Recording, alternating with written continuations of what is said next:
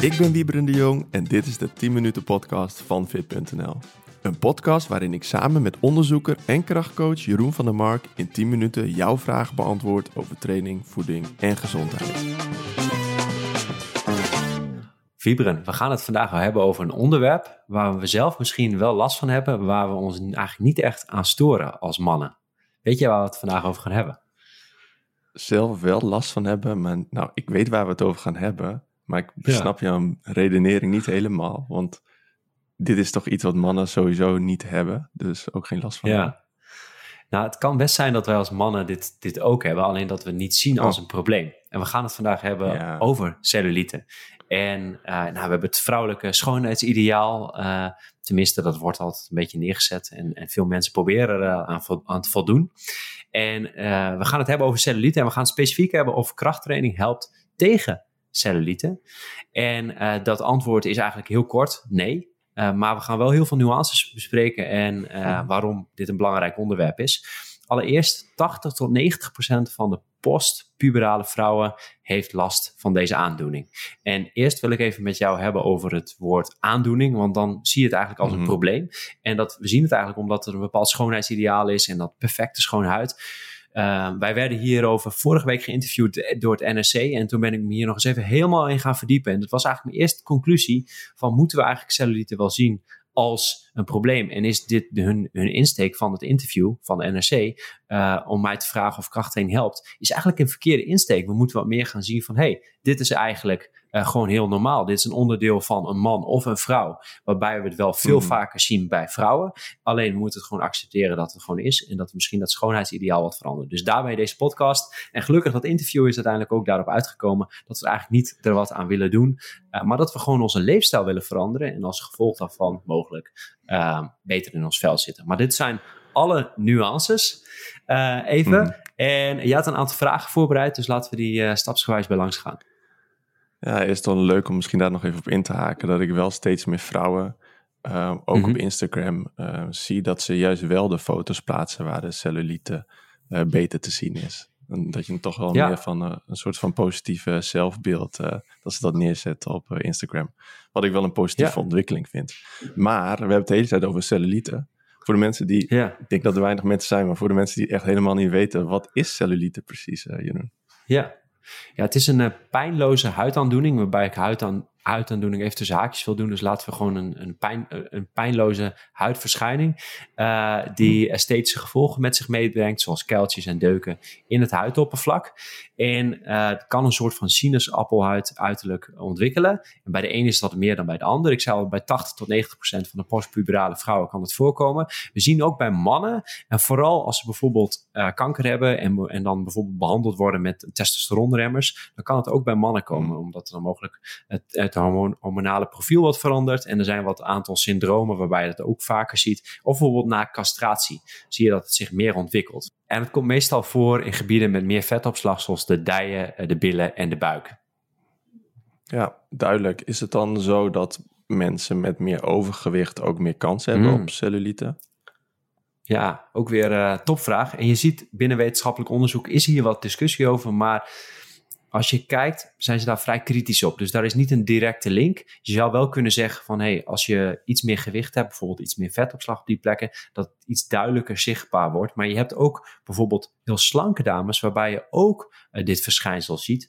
Dus het kan zelfs met een, een relatief laag gewicht, uh, laag vetpercentage, kan het zichtbaar zijn. Uh, er zijn wel wat, wat ideeën dat als je bijvoorbeeld een, een meer ongezonder uh, voedingspatroon, uh, wat minder vocht drinkt, wat meer alcohol, roken, dat het proces van de ontwikkeling wat kan versnellen. Dus het kan mogelijk het proces van ontwikkeling wat versnellen, uh, maar daar moet je niet wondermiddelen in verwachten. Dat het ineens, als je je hele leefstijl omgooit, dat ook je hele huidstructuur, want het is dus tussen haakjes een huidaandoening en het is niet een leefstijlaandoening. Mm. En mogelijk is daar wel een relatie, maar er is niet superveel uh, onderzoek naar gedaan, ook van leefstijlinterventies. Dus daar weten we ook niet heel veel van. Maar we, er is een idee dat het mogelijk wel een effect heeft in de ontwikkelingssnelheid. Uh, maar het is ook zo dat je het zowel bij, over, bij mensen met overgewicht als bij uh, wat meer slanke mensen ziet.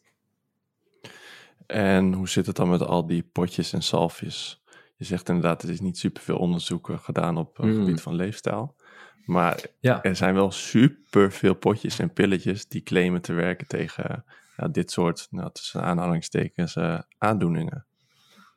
Ja, ja, dit is dus weer schoenmaken blijft bij je leest. Dit is dan meer um, dermatologisch onderzoek. En hiermee, als je twijfelt, zou ik dit overleggen met je huisarts of met je dermatoloog. Um, er zijn wel wat indicaties dat vooral met een combinatie van interventies, dat het bij sommige gevallen wel wat kan helpen. Um, maar goed, dit gaat te ver voor deze podcast, want we houden dit juist vooral op de mhm. leefstijl insteken. Dus dat is wel belangrijk om te weten, ook als je naar een professional uh, luistert die over een bepaald onderwerp praat. Het is goed om te zeggen ook uh, wat buiten je vakgebied valt. Goeie. Laten we dan weer teruggaan naar de krachttraining. Eigenlijk heb je in het begin van de podcast de vraag al beantwoord dat het inderdaad niet echt kan helpen. Toch vraag ik me af, mhm. wat nou als je, als je weinig vetmassa hebt als vrouw, dus je bent flink aan het droog trainen en je hebt wel heel veel spiermassa, betekent dat dan niet dat je toch een wat strakkere huid automatisch krijgt, waardoor je misschien minder cellulite ziet? Ja, ja, nou je zou wel het spiervolume wat kunnen verhogen. Dus bijvoorbeeld wat strakke spieren, je bilspieren wat kunnen vergroten. En daarbij blijft dat, dat proces in die huid blijft wel aanwezig. Maar mogelijk krijg je meer een cosmetische verandering. Dus dat je billen wat groter worden, wat strakker. En dat, dat een ander geheel wordt. Dus dat misschien minder visueel direct zichtbaar is.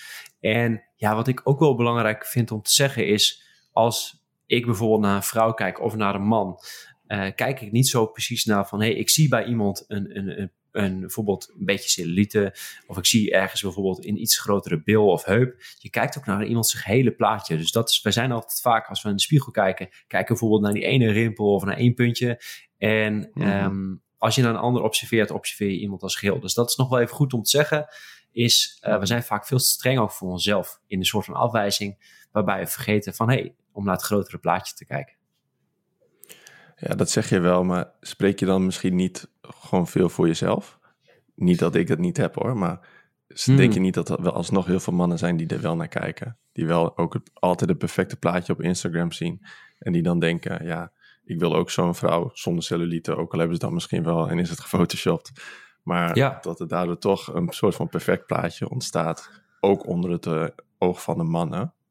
Ja, nou ik denk dat vooral uh, als je kijkt naar bijvoorbeeld heteroseksuele uh, relaties, dat je bijvoorbeeld vrouwen veel, veel strenger zijn voor hun uiterlijke eisen voor zichzelf mhm. dan de, wat de partner daarvan verwacht. Dus mannen die hè, leggen een lat veel hoger voor zichzelf dan eigenlijk echt nodig is. En dat zie je ook in, in wetenschappelijk onderzoek naar sociaal psychologie. Is wel leuk, is dat mannen denken dat ze 5 tot 10 kilo meer gespierd moeten zijn dan wat een vrouw eigenlijk verwacht van hun dat eruit ziet. Mhm. En dat komt met name door, door, uh, door vroeger is dit onderzocht en hebben ze gekeken naar hoe zien mannen in, fit, in fitnessmagazines en in Hollywood eruit. En dat werd het soort van het, van het schoonheidsideaal dat je er heel erg als Rambo uit moest zien. Maar als je dan als je dan die plaatjes liet zien aan, uh, dat testen ze dan bij vrouwen en gekeken van hey, welke fysiek vond je nou, vind je nou echt aantrekkelijk?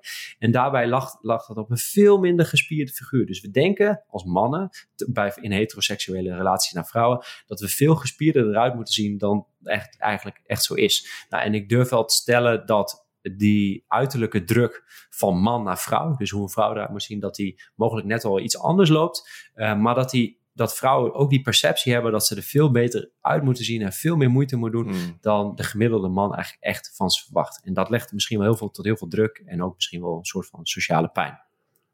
Interessant. Dus eigenlijk zeg je dat ik niet per se meer naar de gym hoef om, uh, om nog aantrekkelijker te worden voor vrouwen. Dus uh, eigenlijk haal je een stukje motivatie weg uh, om nu naar de gym en dan nog naar de gym te gaan, Jeroen. Dan gaat ons hele verdienmodel. ja, precies.